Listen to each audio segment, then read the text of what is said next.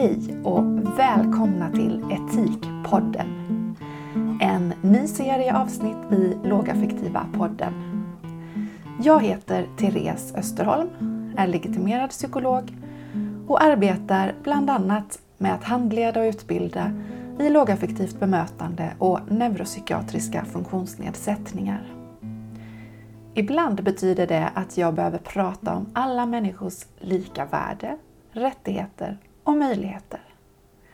Frågor om bemötande och olika sätt att fungera väcker nämligen ofta fler frågor och inte sällan handlar dessa om grundläggande synsätt, om människosyn och om vad man utifrån detta tänker blir rätt eller fel. Ibland kommer det fram att till exempel ett utmanande beteende handlar om brist på kunskap från omgivningen. Men tyvärr också ibland brist på respekt för människovärdet.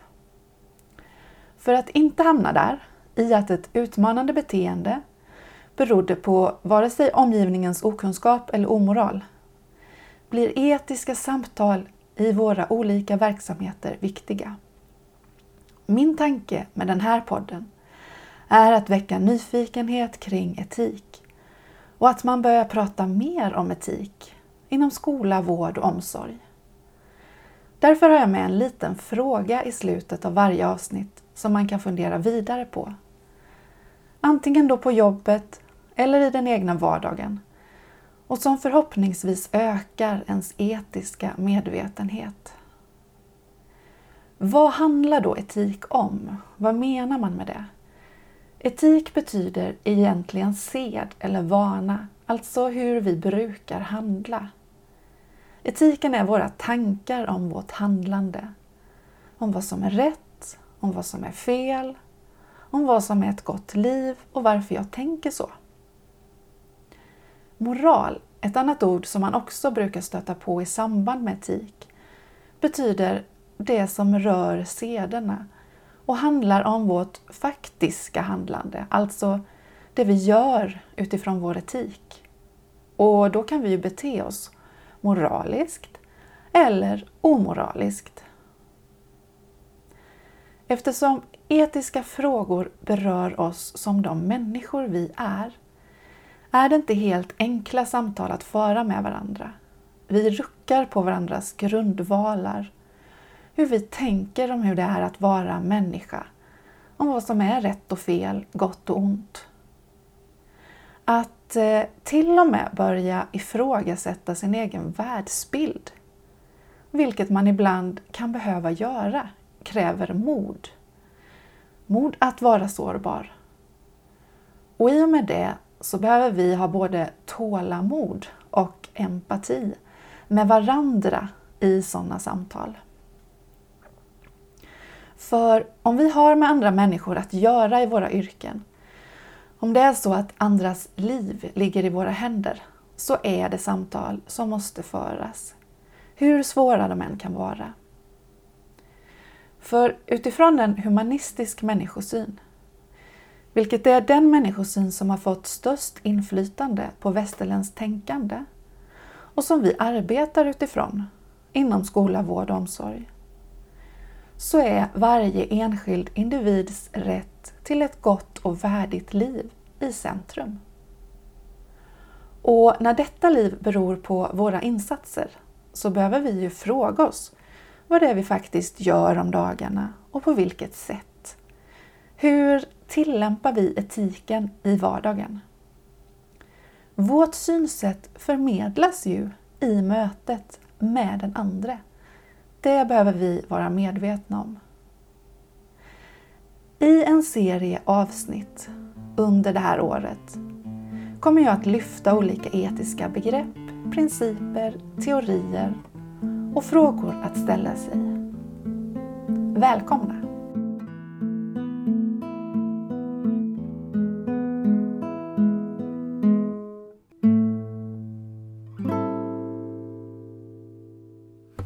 I det här första avsnittet kommer jag att gå igenom de fyra etiska principerna som är tänkta att vägleda en när man har med andra människor att göra.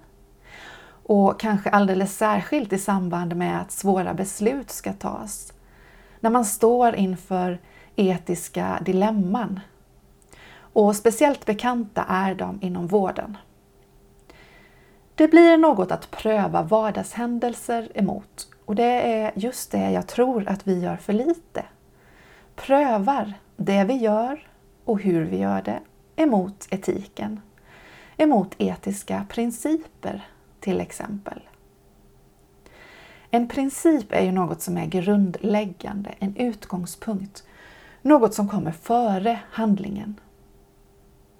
Ibland rättfärdigar vi vårt handlande via nästa steg i kedjan, via vad handlingen ledde till, via konsekvenserna och säger att det som fanns bakom själva handlingen, det var mindre viktigt eller helt ovidkommande. För den som är lite insatt i etik och filosofi så har jag avslöjat mig nu. Jag kämpar med att förhålla mig till konsekvensetiken, eller utilitarismen som den också kallas.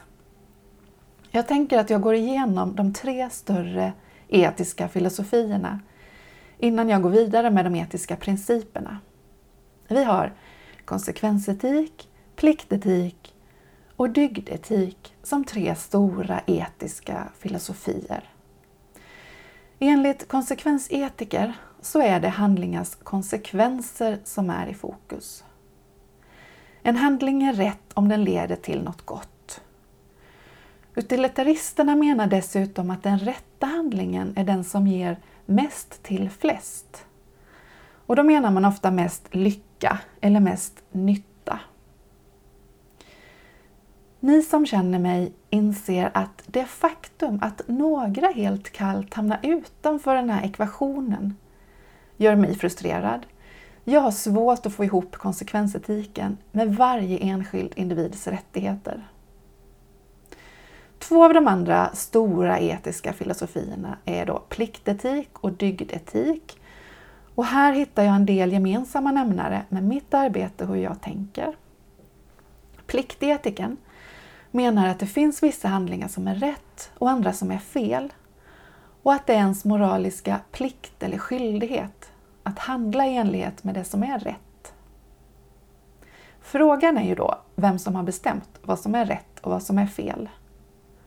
Och om det finns några undantag beroende på omständigheter. Och om det finns vissa grundläggande principer som står över alla andra. Och baserat på det här sista har hälso och sjukvårdens etiska principer tagits fram som vi ska återkomma till alldeles strax. Dygdetiken, den sista av dessa tre stora etiska filosofier, skiljer sig lite åt från de två andra. Den handlar nämligen inte om själva handlingen eller handlingens konsekvens, utan om personen eller personerna, för inte sällan är det själva relationen som blir central. Utifrån dygdetiken är det som är gott eller rätt det som också kännetecknar ett gott liv. Och i ett gott liv är människan, enligt dygdetiken, ärlig, modig, generös och så vidare. Så det är dessa och liknande egenskaper som man ska odla. Och man kan jämföra den här processen med ett frö som med näring, vatten och solljus växer upp och blir en blomma. Och när det gäller människans natur så är människan i grund och botten god. Så ett gott liv är när människorna blomstrar. Och det här är ju Aristoteles tankar. Frågan blir ju när till exempel olika dygder hamnar i konflikt med varandra, hur tänka då? När man till exempel behöver välja mellan att vara ärlig och därmed kanske hänga ut någon. Eller lojal och därmed stå kvar vid den andres sida men utan att ha sagt själva sanningen. Och här ger dygdetiken inte riktigt någon vägledning. Men kanske finns det inte heller ett rätt sätt att göra saker och ting på, hade nog en dygdetiker svarat. Och sedan hade dygdetikern kontrat med att frågan inte är vad bör jag göra utan vilken människa bör jag vara? Det här var ju en extremt förkortad version av någon slags grundkurs i filosofi. Men det får ge lite förståelse vad som menas med en princip. En princip är alltså något som i grunden ses som rätt och som det därmed är vår skyldighet att arbeta utifrån. Och de allra första etiska principerna som finns nedskrivna är av den grekiske läkaren Hippokrates som levde på 300-talet före Kristus. Och de handlade om hur läkaren skulle bete sig gentemot den som var sjuk. Och man kan härleda dagens etiska principer från dessa. Och de fyra biomedicinska etiska principerna som jag ska gå igenom nu och som anses vara rättesnören i västvärlden, speciellt då inom vården, formulerades 1979 av filosoferna Tom Beauchamp och James Childress vid Kennedy-institutet för bioetik vid Georgetown-universitetet i Washington. Och de kallas också för Georgetown-mantrat. Och delar av principerna formulerades egentligen först av National Commission for the Protection of Human Subjects of Biomedical and Behavioral Research i Belmont 1976. Och Belmont-rapporten, som den kallades, kom också ut 1979. De är så kallade prima facie-principer vilket betyder att så länge inget annat kan trumfa dem så är det de som gäller i första hand. Och de fyra etiska principerna är godhetsprincipen, icke-skada-principen, rättviseprincipen och autonomiprincipen. Och godhetsprincipen handlar om att göra gott, alltså att aktivt göra gott. Att främja det goda, förebygga och åtgärda problem av olika slag, och att eh, bara vara passiv är inte att göra gott enligt godhetsprincipen.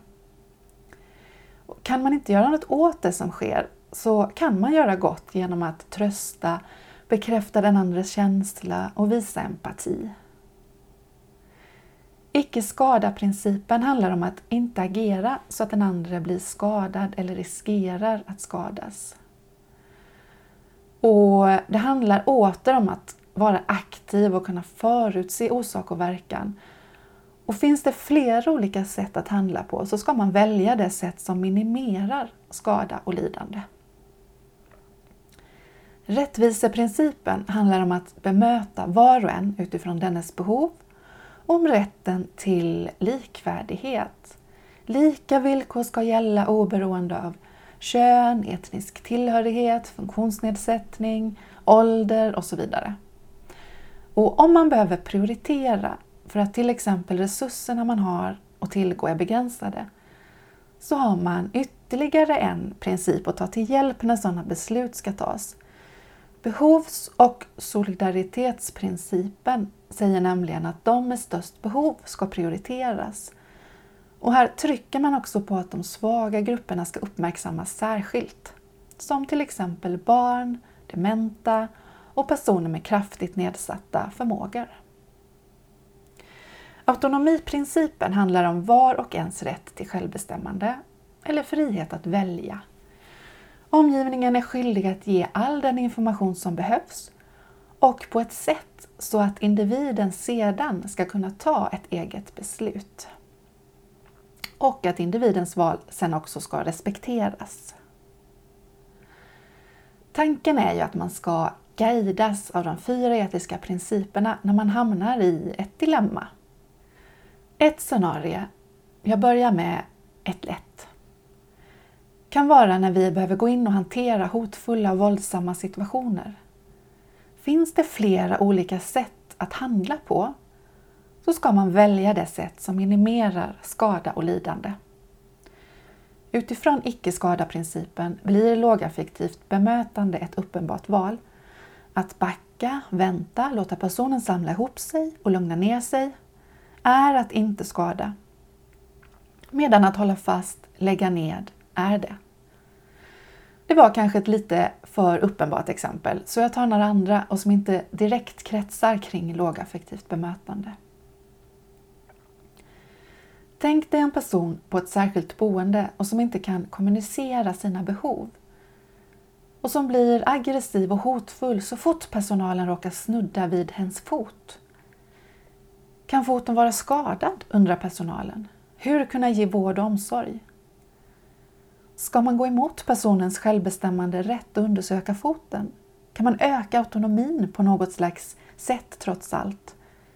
Vilket tillvägagångssätt skulle medföra minst lidande?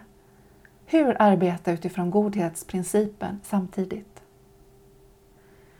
Eller tänk dig att en person vägrar den vård läkaren bedömer vara den bästa, utan vill att något annat ska utföras, som med stor sannolikhet inte ger någon positiv effekt alls, men som inte heller är direkt skadligt. Hur förhålla sig till detta?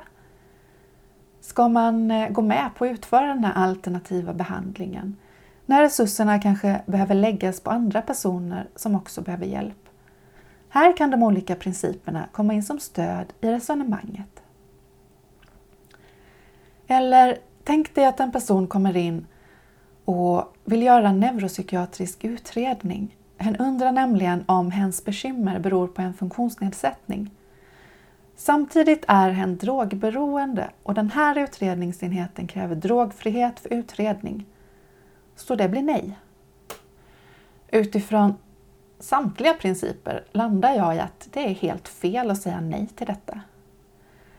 Rätten till eventuell framtida vård och omsorg, till exempel ADHD-medicinering eller LSS-insatser, ska inte vara villkorad på något sätt. Det var några exempel där etiska principer kan guida oss i beslut och i dilemman. En etisk princip som man kanske börjar sakna nu, men som jag tänker lyfta i ett eget avsnitt, är människovärdesprincipen. Och den hittar vi också i hälso och sjukvårdslagen. Etik och juridik ligger ju nära varandra, kompletterar varandra och behöver varandra. Och även rättighetsetiken kommer vi att återvända till i den här poddserien. Det finns mycket att prata om och det här kommer att bli superkul tycker jag. Jag ser verkligen fram emot ett år av etik och min tanke är att jag lägger upp ett avsnitt i månaden med tillhörande fråga. Jag skulle bli jätteglad om ni går in och gillar och delar de här avsnitten så att fler kan hänga med. Månadens etikfråga blir Hur kan ni arbeta med hjälp av de fyra etiska principerna i ert dagliga arbete? Hur påminna varandra om att de finns? Hur använda dem i vardagen? Och har ni kanske ett dilemma att pröva mot de etiska principerna redan nu? Ha det så gott så hörs vi igen.